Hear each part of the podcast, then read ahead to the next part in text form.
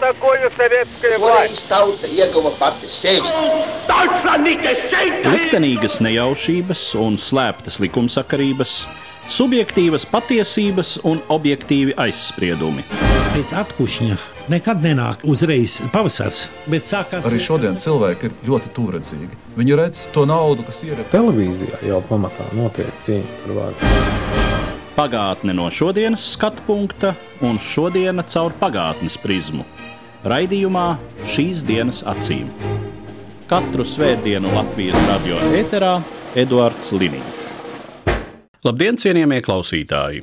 Mēs atkal pievēršamies militārajām norisēm Latvijā pirms simts gadiem, un šoreiz par Latvijas atbrīvošanas operāciju 1920. gada janvārī, kuru kopīgi veids Latvijas un Polijas bruņotie spēki.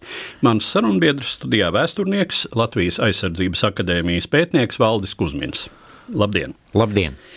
Kā zināms, Polijas karaspēks un, starp citu, arī Lietuvas karaspēks atrodas uz dienvidiem no Latvijas, Daugaupils stūmā jau kopš 1919. gada augusta. Kāda ir tā vispārējā situācija pirms tam, kad tiek noslēgta alianse starp Latviju un Poliju un notiek vienošanās par šo kopīgo uzbrukuma operāciju sarkano spēkiem Latvijā? Pagrieziena punkts ir 1919. gada vasara, kad pēc uh, sekmīgā Landesvēra uzbrukuma Rīgai sabrūk padomju Latvijas armija, un tas paver iespēju arī tām karaspēku vienībām, kas atradās uz dienvidiem no Latvijas teritorijas, respektīvi Lietuvai un Polijai, sāk sekmīgs uzbrukums. Jūnijā un jūlijā sākumā tās padomju Latvijas armijas paliekas atkāpjas uz Latviju un nostiprinās gar tādu ļoti izdevīgu aizsardzības rajonu, kas ir uz austrumiem no tādiem lieliem purviem. Ja mēs tā sākam skatīties Lubānas ezers, uz ziemeļiem no Lubānas ezera, kur atrodas Pededzes upe, un uz dienvidiem no Lubānas ezera Teičpūrs un vesela rinda ar purviem, kas pēc tam virzienā uz Līvāniem dod iespēju, jo sevišķi vasaras laikā, ļoti sekmīgi aizsargāties. Un tad šajā vietā šīs padomju Latvijas armijas vienības paliekas, arī apstājās, un 1919. gada augusta beigās jau lielākā daļa no Lietuvas teritorijas ir atbrīvota, un lielākā daļa no tās teritorijas, kas vēlāk kļūst par Polijas-Lietuvas karaspēku tādu savstarpējo cīņu objektu, Viļņas apgabals uz ziemeļ austrumiem no Viļņas apgabala. Un, kā jūs minējāt, gan Polijas, gan Lietuvas šīs abas divas armijas Daugopils pievārtē nonāk faktiski vienlaicīgi 1919. gada augusta beigās. Tiek veikta dažāda pārgrupēšanās, nu, un 29. augustā jau ilūksts sapriņķī Lietuvas bruņoto spēku vienības nonāk. Šajā brīdī bija divas brigādes, pirmā brigāde un otrā brigāde, kas arī turpināja šos uzbrukumus. Un līdzīgi ir arī ar polijas bruņotajiem spēkiem, kas gar Viļņas Daugopils virzienam novelkam šādu nosacītu līniju, tad arī šie uzbrukumi šādā veidā notiek. Un šo gauju galvenais atslēgas punkts ir trīs valstu pretenzija, kam tad piederēs Latvijas reģions un jo sevišķi Daugopils. Jau politiski 1919. gada vasarā notika sarunas starp Latvijas un Lietuvas valdībām, kurā tika apspriesta iespējamā militārā sadarbība. Cits starpā arī tika apskatīts jautājums, kam varētu piederēt Daugopils. Latvijas puse, protams, diezgan uzstājīgi uzsvēra, ka Latgale ir pasludinātās Latvijas republikas sastāvdaļa, respektīvi arī Daugopils kā lielākā šī reģiona pilsēta arī būtu iekļaujama. Galvenais sarunu klupšanas akmens bija, ko Lietuvas pārstāvi paziņoja, ka Latvijas puse neievēro polijas agresīvo rīcību. Jo šajā brīdī, 1919. gada vasarā, starp Lietuvu un Poliju ir redzama zināma viedokļu nesaderība, kam vajadzētu piederēt pirmkārt jau Viņas apgabalam. Un tas arī tā, transformējās uz to, kam vajadzētu piederēt Daugopilī. Un tāda niknākā kauja daļa sākas 1919. gada 29. augustā, 29., 30. un līdz pat 1. septembra dienām.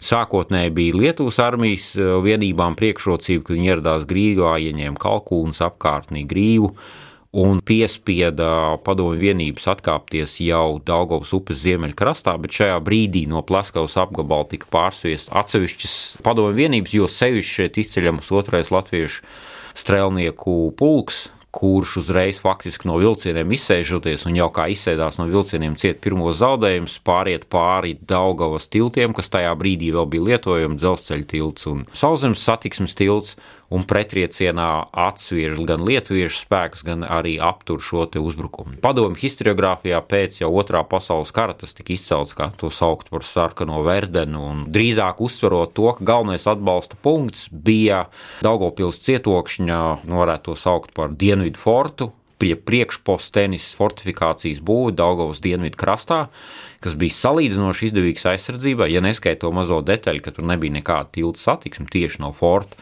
Tas radīja tādu psiholoģisku problēmu. Skaidrs, ja pretinieks mums pietuvojās, tad atpakaļ tikt mums būs sarežģīti. Un šo kauju rezultātā tātad ir uzbrukumi, pretuzbrukumi, diezgan liela trieciena. Nu, piemēram, otrais latviešu strēlnieku pulks šajās pāris dienās zaudēja 168 kritušos, ievainotos un bezvēs pazudušos.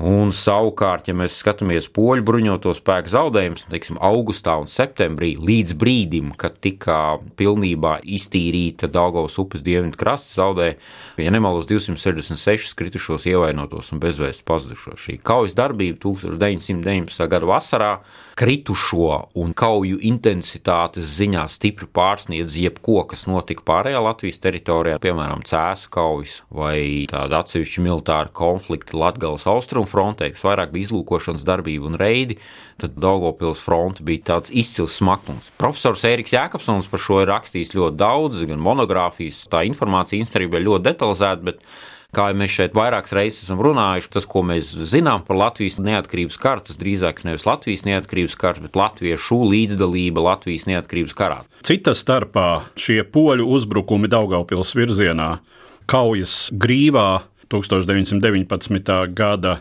septembrī ir iezīmīgas arī ar vienīgo īsto tanku uzbrukumu Latvijas neatkarības kara laikā Latvijas teritorijā. Jā, tieši tā, 1919. gada 27. septembrī pirmais uzbrukums Grīvas placdarbam augusta beigās, septembra sākumā nebija tāds pilnīgi sekmīgs, fronts līnija nostabilizējas.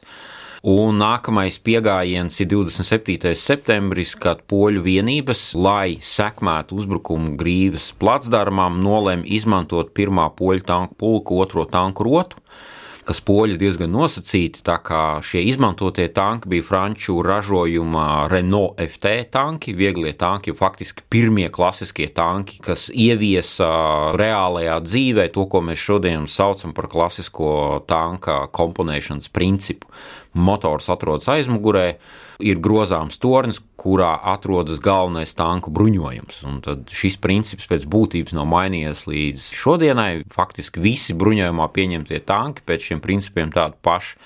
Kopumā bija 22 tanki, un divās dienās, 27. un 28. tanku izmantošanas intensitāte bija apmēram 10, kādu brīdi vairāk, kādu brīdi mazāk atkarībā no kara darbības apstākļiem. Pirmajā kaujas dienā tika izmantots tieši paša grīvas placdarma likvidēšanai. Un otrajā kaujas dienā tieši tankiem bija nozīmīga loma šīs fortifikācijas būves, Daugopils cietokšana, priekštilta nocietinājuma būvu ieņemšana. Sarkanā armija šādus tankus nekad nebija piedzīvojusi, padomju karavīri tos nebija redzējuši tanku lēnā braukšana un skaļā braukšana, kāpuķēžu grabēšana varētu būt diezgan iespaidīgs faktors, kādēļ padomju karavīri aizbēga. Nu, svarīga detaļa arī tāda, ka septembra beigās jau vairs neatradās latviešu strēlnieku pulki, bet tās jau bija citas padomju vienības, kuru noturība kaujas laukā bija ļoti ierobežota. Šajā kaujā rotas komandieris bija franču kapteinis Žants Difūrs, un tad arī lielākā daļa gan no tanku komandieriem, gan virsniekiem bija franču virsnieki kur mācīja šiem tankiem apoties, tā bija tāda diezgan varonīga kauja. Un divu dienu laikā šīs pārdaugavas plasdarmas tiek likvidēts, un īstenībā poļu ambīcija bija turpināt uzbrukumu un ieņemt visu Daugopilu un izvirzīties tālāk uz ziemeļiem, tā vēlākā līksnes upes līnija, ļoti dabīga aizsardzības līnija, bet iebilda rietumu sabiedroto pārstāvi. Protams, trīs valstis, kas pretendēja uz Daugopilu, vismaz teorētiski Polija, Lietuva un Latvija un rietumu sabiedrotie pēc iespējas vairāk mēģināja attālināt šo militāro konfliktu, jo, piemēram, septembra beigās kad poļu armija sāk šo kaujas darbību, bija diezgan agresīva rīcība, lai nepieļautu Lietuvas bruņoto spēku pretdarbību poļiem. tika aizturēts uz brīdi Lietuvas armijas pirmās brigādes komandieris tieši tādu nolūku, lai šī brigāde, kas arī atradās Daugopils pievārtē, ir dzelzceļš, kas iet no Daugopils uz dienvidiem, vienā pusē poļu, otrā pusē lietuvieši. Un ceļš otrajā kauja dienā Lietuvieši atradās ļoti izdevīgā pozīcijā, lai varētu poļiem radīt ļoti liels problēmas šī uzbrukuma īstenošana. Tādēļ šīs abas puses atradās tādā ļoti saspīlētā situācijā. Tālāk pēc šīm septembra kaujām iestājas zināms pieklusums, kas ir saistīts ar norisēm citur bijušās Krievijas impērijas teritorijā, ar to, kas notiek ar padomju Krieviju tajā brīdī. Dienvidos cauri Ukrainai un Dienvidu Krievijai savu uzbrukumu ļoti sekmīgi īsteno Balto ģenerālis Ģeņikins. Tajā brīdī šķiet, ka Baltija varētu ieņemt Maskavu. Un savukārt Petrogradai uzbrūk Juģēņķa spēki. Tas ir kritiskākais brīdis padomju Krievijai.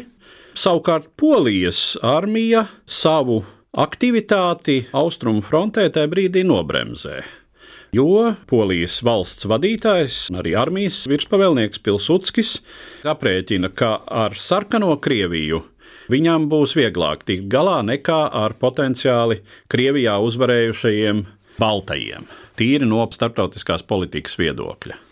Un tāpēc, acīm redzot, arī apsīkst Polijas armijas kaujas darbību šeit, nu savukārt Latvijas teritorijā šajā laikā nobriest Bermonta uzbrukums Rīgai, Un notiek šis uzbrukums, oktobra, novembra notikumi, par to mēs visu jau esam runājuši. Un tā tad Latvijas jautājums, ja tā var teikt, aktualizējas gan latviešiem, gan arī poļiem 1919. gada decembrī.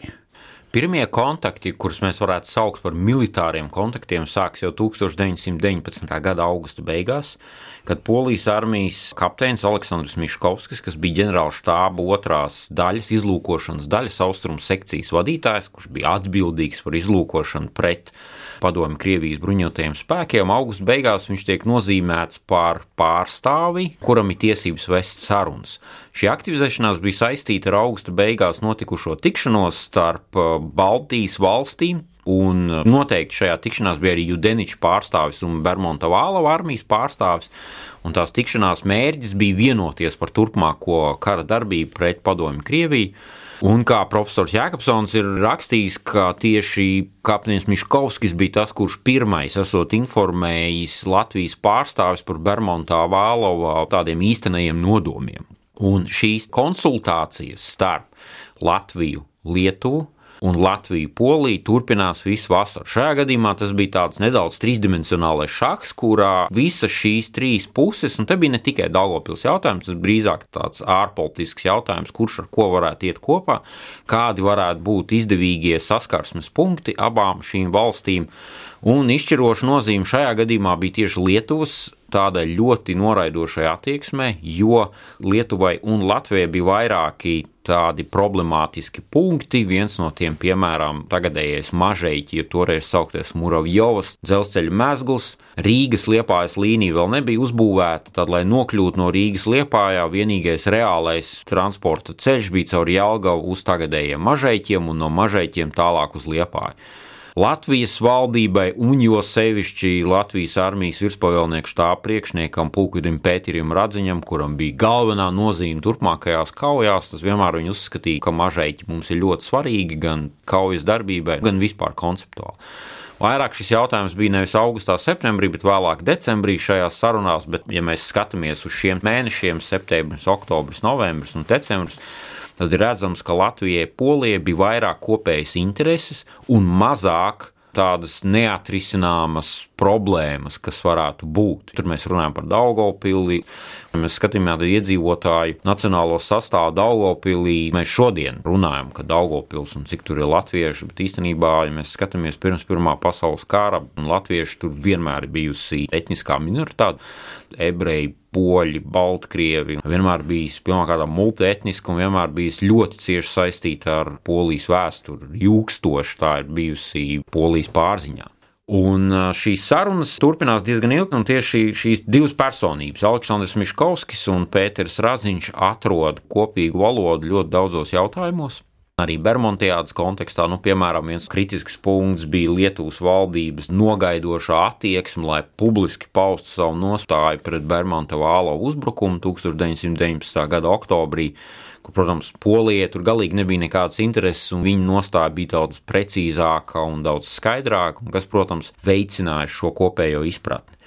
Un sarunas par militāru sadarbību šeit jau mēs varam runāt novembra beigas, decembra sākums, un Pēters Raziņš savos memoāros raksta, ka reālie plānošanas darbi sākas 1919. gada novembra beigās jau, jo brīdī, kad ir skaidrs, ka Bermonta Vālo Rietumkrievijas armija sakaut, bet no Pētera Radziņa skatu punkta problēma ir Latvijas armijas spēku pārgrupēšana no Kurzemes, kur galvenie spēki atrodas pēc Bermuda vālo armijas sakaušanas uz austrumu fronti, kur faktiski atrodas tikai viena kurzemes divīzija nu, un ar atsevišķām vienībām - Latvijas partizāņu pulks, Landesvērs. Jo, ja mēs skatāmies no tāda poļu skatu punkta, tad Pilsudskis jau 1919. gada 2. decembrī paraksta pavēlī par sagatavošanu tai operācijai, kas vēlāk iegūs nosaukumu Ziema.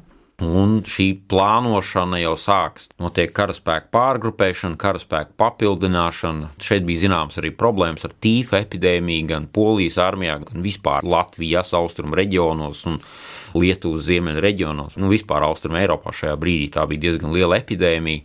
Tās bija liels problēmas. Kontakts starp Miškausku un Pēteru Radziņu turpinās, un faktiski viņi rezultējās tikai 1919. gada 30. decembrī, kad tiek parakstīta šī militārā vienošanās. Tā ir tāda, manuprāt, maz novērtēts Latvijas gan bruņoto spēku, gan arī Latvijas valsts panākums. Šodien, ja mēs tādā mūsdienu kontekstā skatāmies par dažādiem koalīcijas militāriem konfliktiem, kur piedalās lielākas vai mazākas koalīcijas, tas vienmēr ir ļoti sarežģīti. Latvija un Polija pāris mēnešos reāli parakstīja līgumu. Tās sarunas nebija ilgas, tas mērāms dienās, nevis nedēļās. Spēja vienoties par savstarpēju sadarbību, spēja rast kompromisu, kurš būs komandieris. Šajā gadījumā tas bija Polijas operatīvās grupas vadītājs Edvards Rits Smiglīs, kurš būtu virspavēlnieks Dienvidu Latgales atbrīvošanas operācijas gaitā, un tad viņam būtu arī palīgs štāba priekšnieks no Latvijas parakstīja vienošanās, kāda spēka tiek iesaistīta. Polijas puse apņēmās nodrošināt 30 tūkstošu karavīru līdzdalību. Lai gan, protams, tas ir tāds papīra skaitlis, tas bija tas, ko Latvijas puse apņēmās nodrošināt, ka šie karavīri tiek apgādāti un paēdināti, jo tam būtu jānotiek uz vietējo resursu rēķina, tās būtu rekvizīcijas un normāla karaspēka darbība tādā veidā, kā tas arī notiktu. Un šī vienošanās, vēlreiz gribētu uzsvērt, ir diezgan unikāla parādība. Neskatoties, ka pēc tam 1920. gada februārī, martā bija zināmas domstarpības, šīs domstarpības bija relatīvi nelielas. Ja mēs salīdzinām, kā tur notika, piemēram, Igaunijas bruņotajos spēkos, cik viņam sarežģīta bija tā komunikācija ar Judeniča armiju, kurš ko dara, kurš nedara, kur ies, kur neies. Katram bija savas ambīcijas. Kad vai pastīsimies Latvijas armiju un kurzemes atbrīvošanu, kurā it kā sabiedrotie, bet īstenībā viens uz otru skatās, kurš nu kurām, kurā brīdī tunci mugurā iegrūdīs. Te mums ir jāpiemina vēl viens process, kas arī norit paralēli, jo jau 11. septembrī Latvija saņem piedāvājumu no padomju Krievijas sākt pamieru sarunas, un decembrī šādas sarunas startu patiešām arī sākas. Kādi ir padomju Krievijas motīvi piedāvāt Latvijai šādas pamieru sarunas? Tās būtu grūti saukt par pamieru sarunām. Tās bija drīzāk konsultācijas un apmaiņa ar informāciju. Kādi varētu būt starta pozīcijas iespējamo pamiera sarunu sākšanai? Un motīvi ir tie paši, kurus jau minējāt, tas diezgan bēdīgais 1919. gada vasara bēdīgais stāvoklis dienvidu frontēs. Un viens iemesls, kas pagrūda, arī bija šī augusta beigās Rīgā notikušā tikšanās, par ko, protams, padomju puse diezgan ātri zināja. Jo, protams, ja mēs skatāmies tādā plašākā kontekstā, ja trīs Baltijas valstis, Polija un vēl Balto kustības dažādi grupējumi spētu vienoties, Arī bez vienošanās drīz jau Pēterburga nonāca tādās kauju ugunīs jau priekšpilsētā. Kā būtu, ja būtu, ja visi spētu patiešām vienoties? Ja Bermons Vāls samazinātu savas ambīcijas, un Latvija vienotos, un Lietuva ar Poliju vienotos.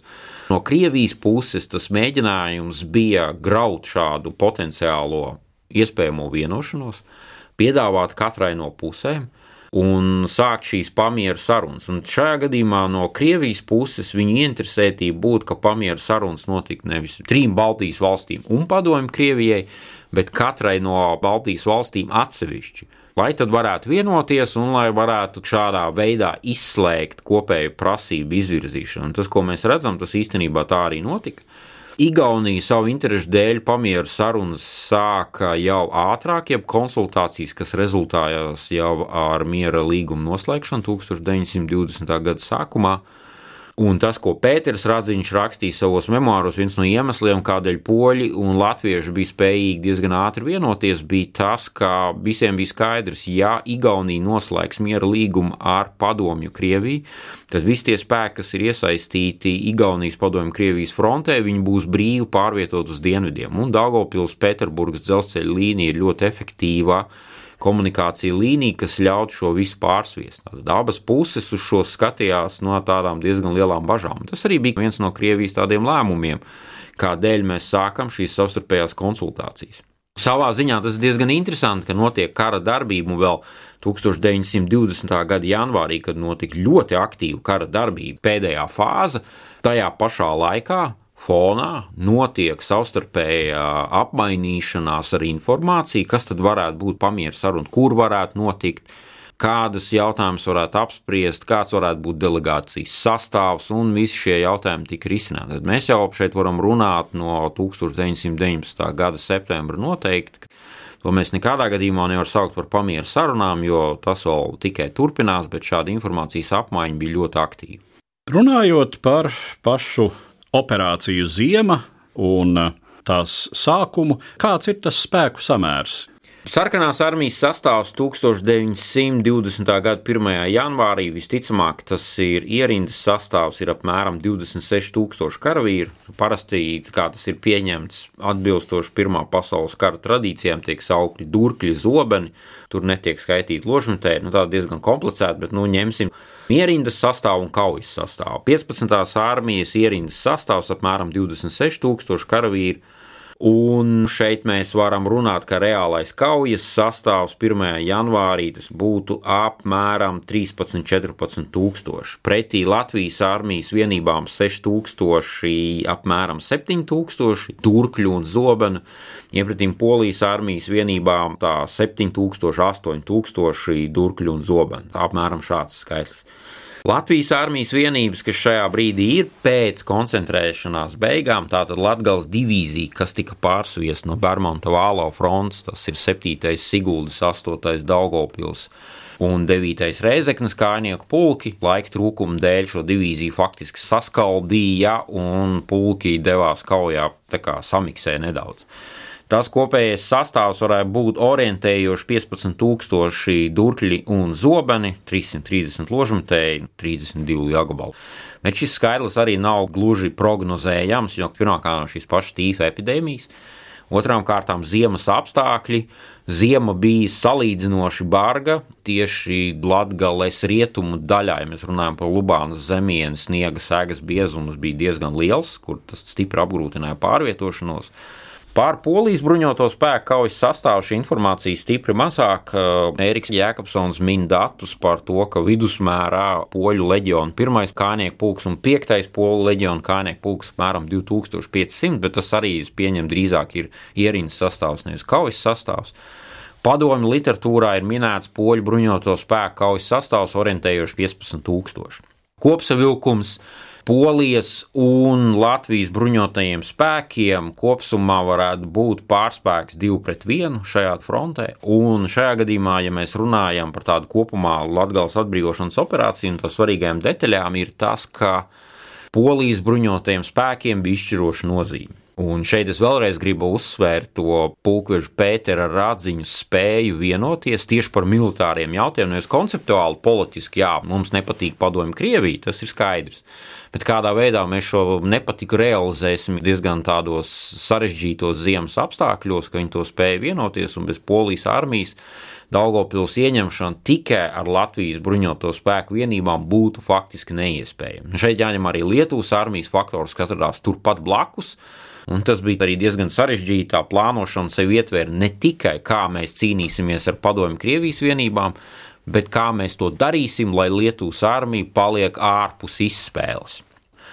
Bet šis spēka samērs ir tāda ļoti relatīva lieta, ko es gribētu uzsvērt. Tad burtiski no dienas uz dienu mums jāskatās pēc 3-4 dienu kaujām. Tas kaujas sastāvs samazinās ne tik daudz kritušie un bojā gājušie, bet gan vairāk mēs šeit runājam par to, kas ir slimie, iet nespējīgie, noberstas kājas, nav transporta līdzekļu un visas šīs lietas. No otras puses, 15. armija, tās bažas, kuras izteica Pēters Radziņš, ka pēc pamieru noslēgšanas kaujā frontē starp Igauniju un Padomju Krieviju notiks karaspēku vienīgi pārsviešana, to mēs arī redzam, un tas burtiski bija dienu jautājums, nebija tur sarežģīti. Tātad 1. janvārs nav gluži rādītājs, tad mums šeit burtiski jāskatās pa dienām, kurā brīdī. Bet vēlreiz kopsavilkumā Latvijas un Polijas bruņotajiem spēkiem kopumā bija izteikts skaitliskais pārsvars, un bija svarīgi, kā mēs šo skaitlisko pārsvaru realizēsim, cik ātri, pirms 15. armija sāks saņemt papildinājumus, ņemot vērā noslēgto pamieru. Tad runājot par konkrēto kaujas darbību, viss sākas jau atkal pie Daugaupils. Tātad vispirms ir Polijas armijas uzbrukums Daugaupilī pāri Daugavai no dienvidiem, un savukārt Latvijas armijas virzīšanās Daugaupils virzienā no ziemeļrietumiem. Jā, no 2. decembra sākas šī kaujas operācijas izstrāde Polijas armijas sastāvā. 22. decembrī tiek parakstīta pavēle, visiem ir skaidrs, kādi šie uzdevumi tiks veikti. Polijas armija gribēja, lai Latvijas armija Ziemeļ-Latgalē sāk vienlaicīgi ar Daugopils uzbrukumu, bet spēki vēl nebija pietiekami koncentrēti. Arī Pēcers Radziņš tā piemiedzot acis, saka, īstenībā viņš galīgi tā negribētu. Viņa interesēs bija, lai sāk poļi, rezerves dodas uz Daugopilu, un tad mēs sākam jau stipri labākos apstākļos. Sabiedrotie viens uz otru arī nebija pilnīgi uzticība, bet kompromisa atrašana bija ļoti sekmīgs, liels Latvijas panākums, varētu teikt. Uzbrukums sāks 3. janvāra rītā. Tātad pirmais un piektais poļu leģiona pulki šķērso Daugavu. Viens no iemesliem, kādēļ bija interesēti tieši kāpēc operācija ziema un kādēļ tieši ziemā, tas ir Daugavas forsēšanas priekšrocības, ja to var darīt pa ledu. Jebkurā vietā, jebkurā laikā, kas uzbrucējiem ir milzīgs iegūms, savukārt tie, kas aizstāvās, ir milzīgs trūkums. Ja Daugavs tur būtu jāforsē laivām, plostiem un citiem akrobātiskiem trikiem, tas būtu diezgan sarežģīti. Šajā gadījumā tas bija efektīvi. Ja mēs iedomājamies karti, tad tagadējie slavenie Daugovas loki un katrā vietā, kur loks ir ziemeļu virzienā, tad katrā no šīm vietām kādu poļu armijas vienību šķērsoja. Tajā lokā, kas atradās uz ziemeļaustrumiem no Daugopils, tas bija polijas armijas smakpunkts.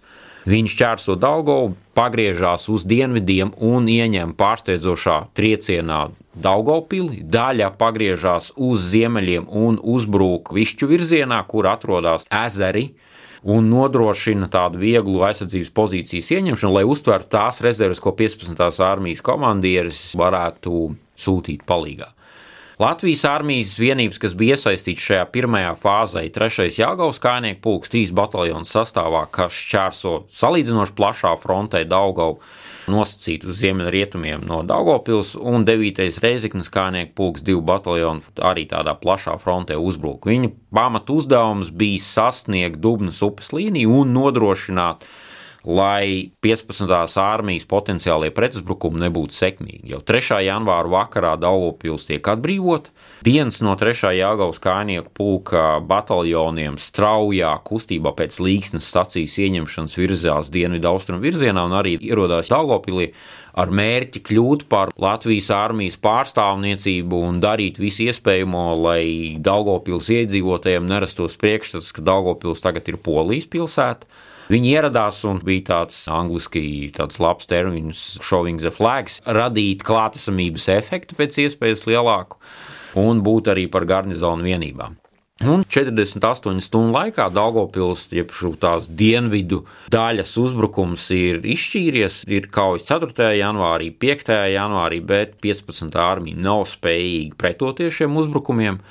Un, lai gan pēc tam seko diezgan sīvas kaujas, jo sevišķi gar dzelzceļa līniju Daugopils Rēzekne, kur tiek izmantot arī bruņotie vilcieni. Šeit būtu uzteicams Latvijas armijas trešais bruņotais vilciens, komandieris Paulockis, kurš ļoti sekmīgi un ļoti agresīvu darbību sabojā vairākus padomu bruņotos vilcienus, palīdzot gan polijas bruņoto spēku vienībām, Rušonas stacijas apkārtnē, nu, viscaur šīs dzelzceļa līnijas, gan arī ļoti sekmīgi palīdz Latvijas armijas vienībām, trešajam Jāgaunas kājnieku pulkam virzīties tālāk uz priekšu. Šeit mēs pārtraucam vēstījumu par Latvijas atbrīvošanu pirms simts gadiem kopīgā Latvijas un Polijas karaspēka operācijā.